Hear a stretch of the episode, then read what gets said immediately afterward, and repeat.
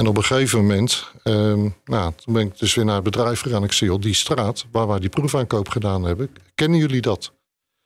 Nou, moesten ze even over nadenken en even in de, in, de, in de boeken kijken, zeg maar. En toen kwamen ze er dus achter dat er een teamleider in diezelfde straat woonde. Je klikt rond op een online advertentiewebsite en opeens zie je dat spullen waar jij een exclusief verkooprecht op hebt, daarvoor een prikkie te koop worden aangeboden. Het overkwam een bedrijf dat high-end tuinmeubilair verkoopt. Hoe kan het dat die spullen daar te koop werden aangeboden en hoe voorkom je zoiets nou?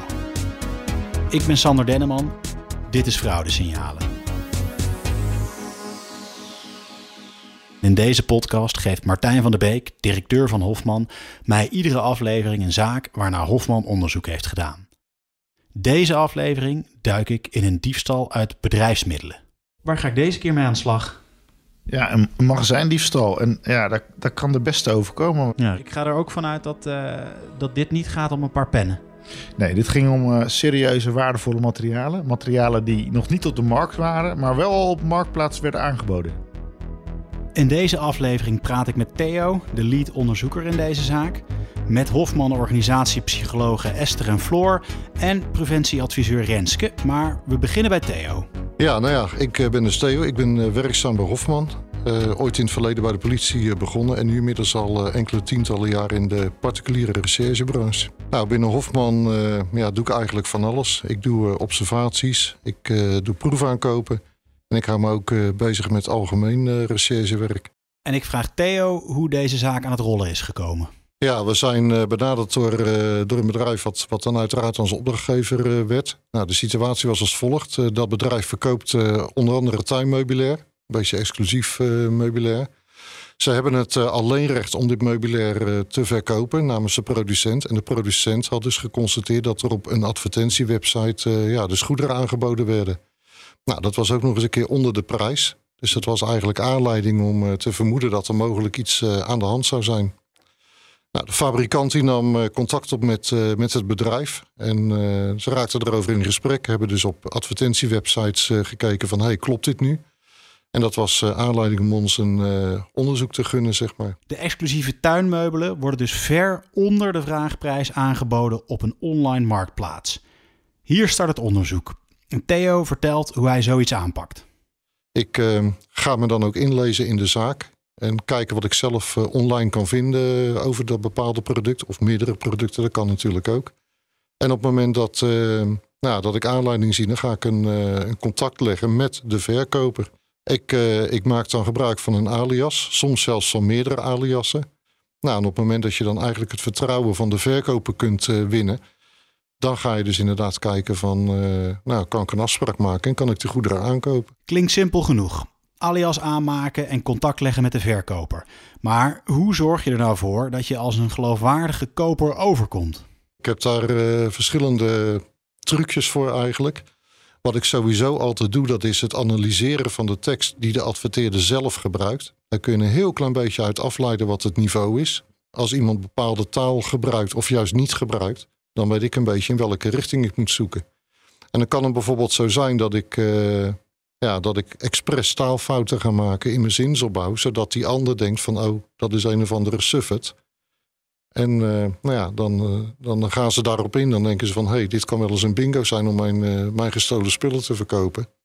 En dan bouw je op die manier de contacten op. Nou, dan vindt uiteindelijk ja, de, de aankoop plaats. En dan proberen we altijd ja, om bij een woning uit te komen. Want dan heb je natuurlijk ook een adres van een mogelijk betrokkenen.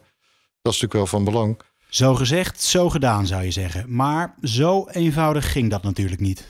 Nou, dit verliep uh, eigenlijk uh, onverwacht, toch best wel. Uh, wat er gebeurde is dat uh, we hadden dan een afspraak om, om goederen aan te kopen. We hadden ook een locatie opgekregen in een woonwijk. Dus ehm, ik ben er overigens niet zelf naartoe gegaan. Dat heeft een collega van mij heeft dat op zich genomen. Die kwam bij het adres aan. Nou, dat was een, een rij woningen met daarnaast een aantal aaneengeschakelde garageboxen. Daar stond een bestelbus voor. En uiteindelijk vond de verkoop plaats vanuit die bestelbus. En kennelijk werd die bus dus gebruikt als buffer. Want mijn collega zag dat daar nog wat meer spulletjes in stonden. Die zat tijdens de aankoop ving die een glimps op van, uh, van andere spullen. Ja, dat klopt. De achterdeuren van de bestelbus die gingen open. Mijn collega heeft dat ook uh, ja, met zijn dashcam kunnen filmen vanuit zijn eigen auto. En uh, toen zagen wij dus ook dat er andere goederen stonden. Er lagen dus veel meer spullen in die bestelbus dan waarmee geadverteerd was. Dus Theo gaat met het beeldmateriaal terug naar de opdrachtgever om te checken of die spullen toevallig ook van hun zijn.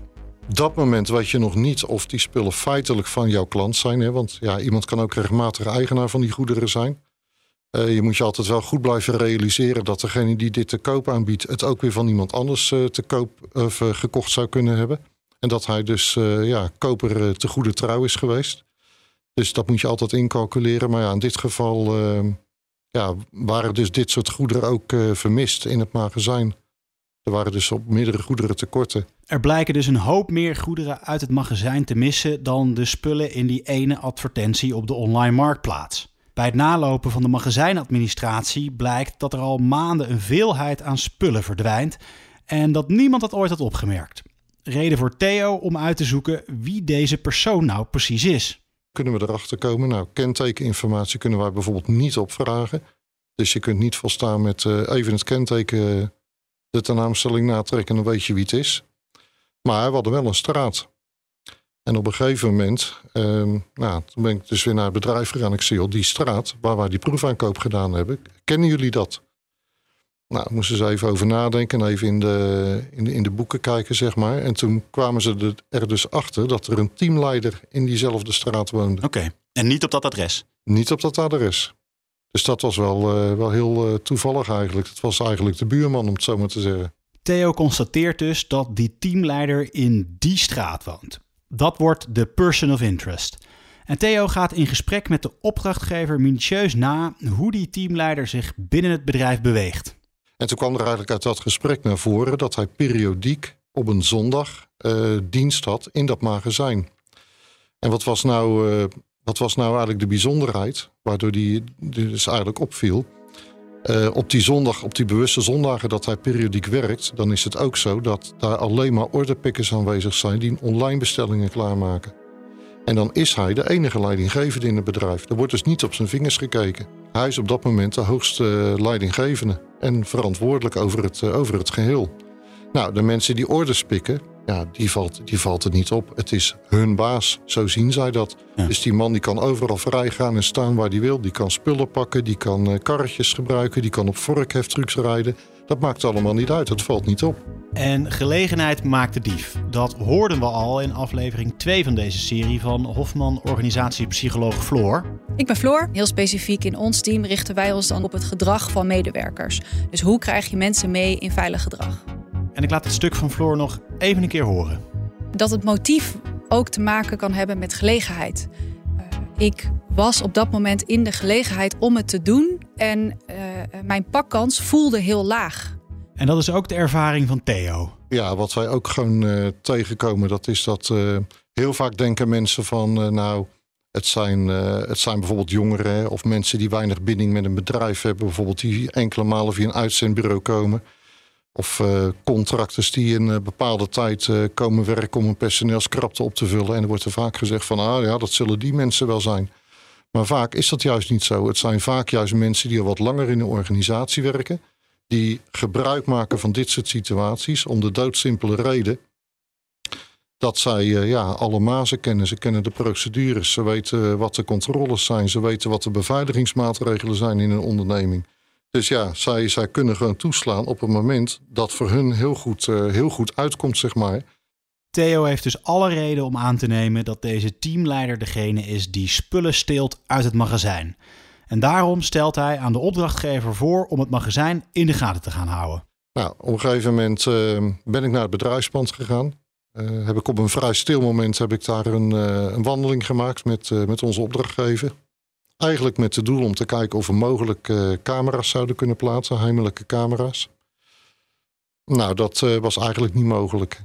Het, uh, het, het, was zo enorm groot en zo complex. En goederen lagen ook op verschillende plekken opgeslagen. Nou, dat, dat viel eigenlijk al heel snel dat is geen doen. Nou, dat is, dat is gewoon echt geen doen.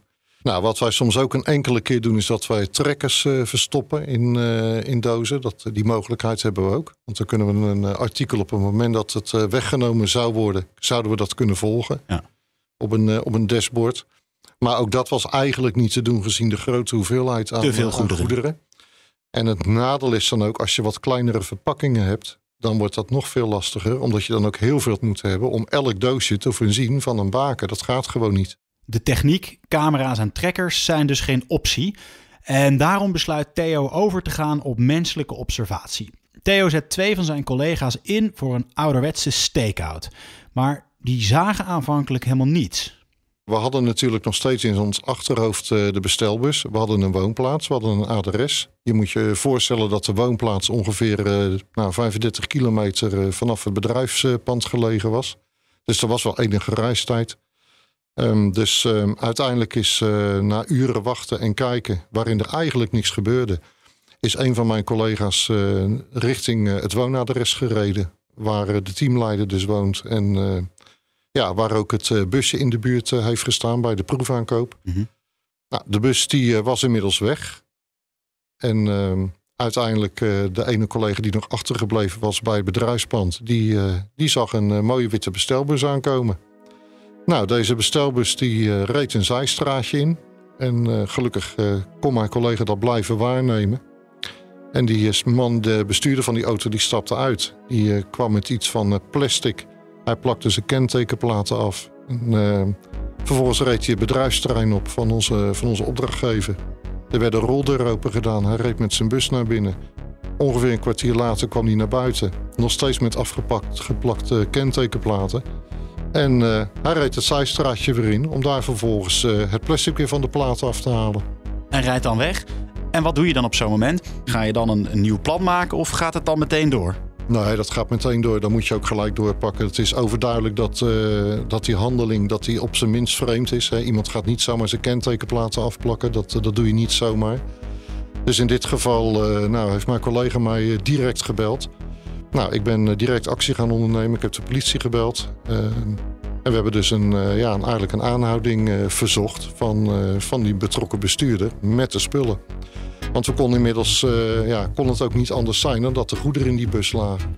De heist is dus in volle gang en Theo coördineert de observatie op afstand als een soort commandocentrum. En hij heeft daarbij een conference call met de politiemeldkamer en de politiemensen die onderweg zijn ter aanhouding van de verdachte om deze diefstal op heterdaad te verijdelen. Eerste collega die bleef in de buurt van de woning om daar eventueel op te kunnen vangen.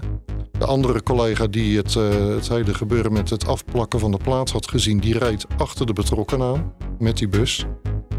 En ondertussen uh, gaf hij telkens aan mij positie door. Nou, ik gaf dat weer door aan de politie.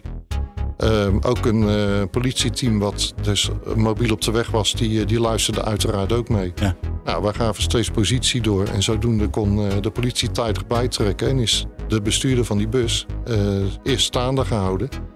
En uiteindelijk ja, aangehouden en is de, de bus met daarin een hoop goederen is dan in beslag genomen. En een bus vol goederen, dat geeft aanleiding voor de politie om een kijkje te nemen bij de teamleider thuis en in de auto van die teamleider. Ze hebben toen in de, in de stationwagen kunnen kijken van de teamleider. En daar waren ook allemaal eh, goederen in, eh, in verstopt. Die hele auto die lag gewoon vol. Dus uh, nou, politie heeft aangebeld en nou, toen hebben ze dus de teamleider ter plekke aangehouden. En bij het openen van de schuur, dat was ook allemaal een beetje door de politie eh, natuurlijk al netjes uh, officieel geregeld. Ja, bleek dus dat daar uh, een aardige hoeveelheid goederen stond. Ja. Die dus vermoedelijk ook afkomstig waren van onze opdrachtgever omdat het inderdaad soortgelijke producten waren als die hij in zijn magazijn heeft staan. Typisch geval van heterdaad. Dan wordt die teamleider wordt aangehouden. Die betrokken buurman is inmiddels aangehouden. Dus dan is de cirkel rond.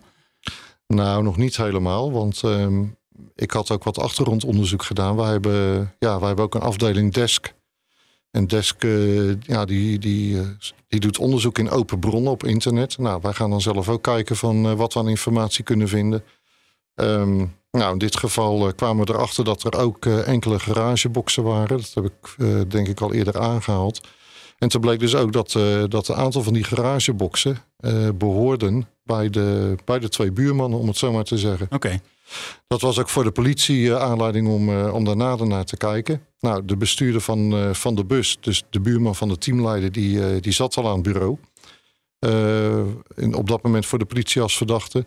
En nou de politie heeft ook aangebeld bij de echtgenoot of, of de vriendin van deze man. En nou, ook zijn ook met toestemming uh, op onderzoek uitgegaan. Ja. En ook daar stonden dus in de schuur van het pand stonden diverse goederen opgeslagen. Ja, en uiteindelijk is uiteraard wel gebleken dat uh, deze goederen allemaal uh, manco waren op, ja, op de voorraad van onze opdrachtgever. Deze zaak leek te draaien om één online advertentie waarin een paar exclusieve tuinmeubelen werden aangeboden.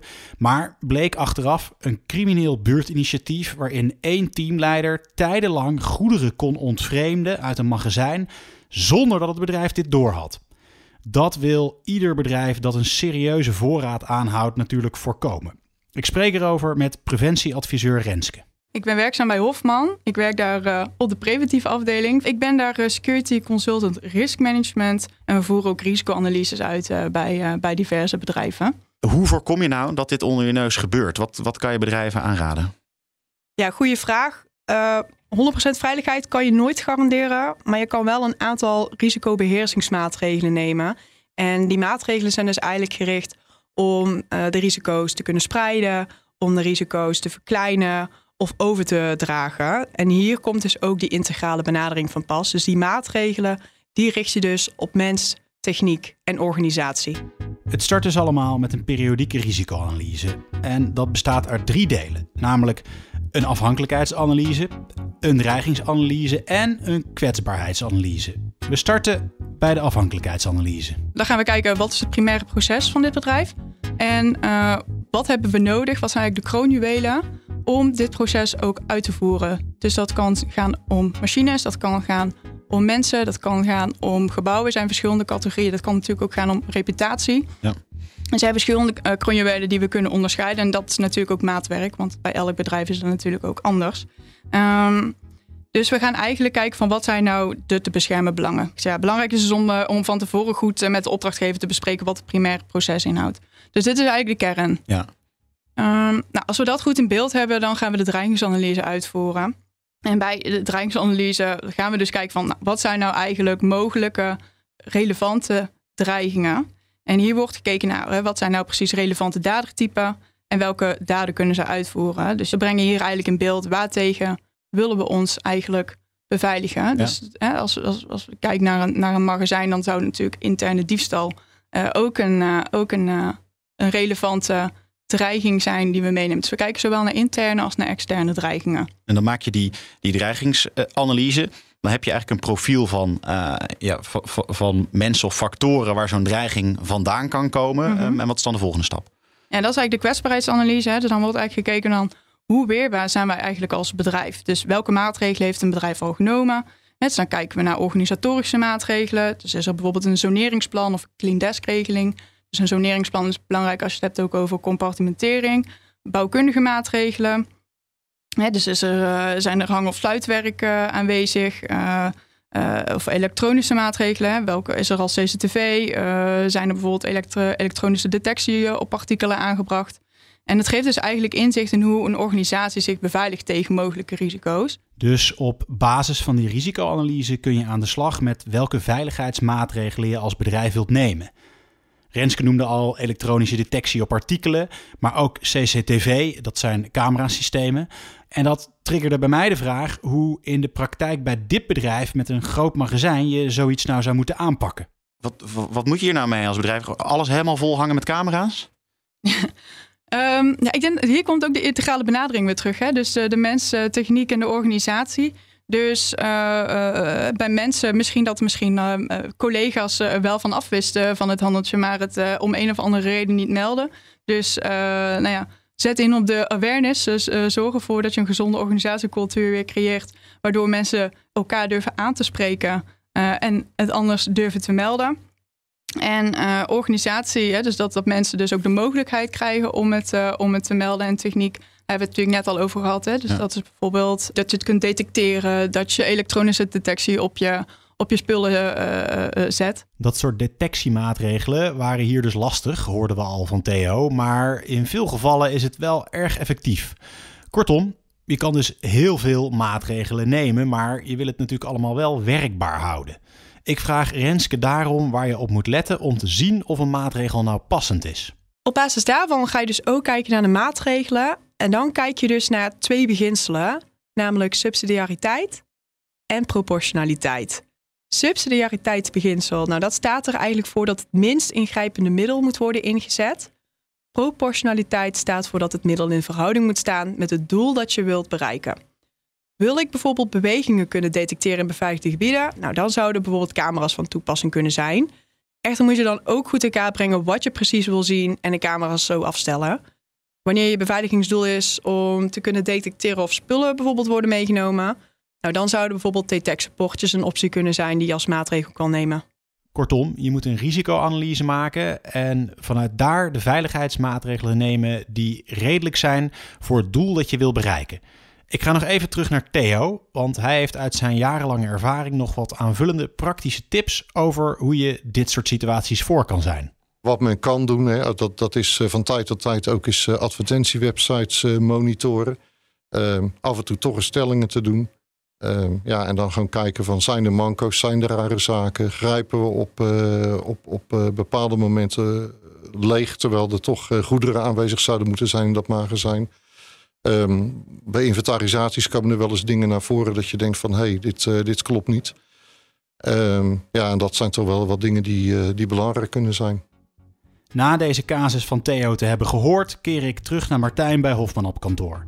Wat ik onbegrijpelijk vind in deze zaak is dat er zo'n grote hoeveelheid spullen steeds verdween, zonder dat er ergens een rood lampje is gaan branden. Mij lijkt het een beetje alsof dit bedrijf in slaap is gesukkeld.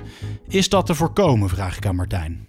Ja, soms kom je er pas achter dat je in slaap bent gesukkeld. Dat je wakker wordt opeens. Je wordt wakker. En wat is, er, wat hier gebeurd? En, en soms zijn dat interne signalen die je krijgt. Dingen die je zelf uitzoekt. En soms word je getipt door een ander. Uh, maar dit soort dingen ontstaan. En ze komen relatief vaak voor. Ja, dus is het te voorkomen dat je in slaap sukkelt? Nou ja, kijk, naarmate als een bedrijf een bepaalde grootte krijgt, dan verwacht je dat het zich ook verder professionaliseert. Dat je ook gaat nadenken over hoe, hoe doen we ons voor, voorraadbeheer? Hebben we wel al onze uitgangen in de camera's? Registreren we wel toegang goed?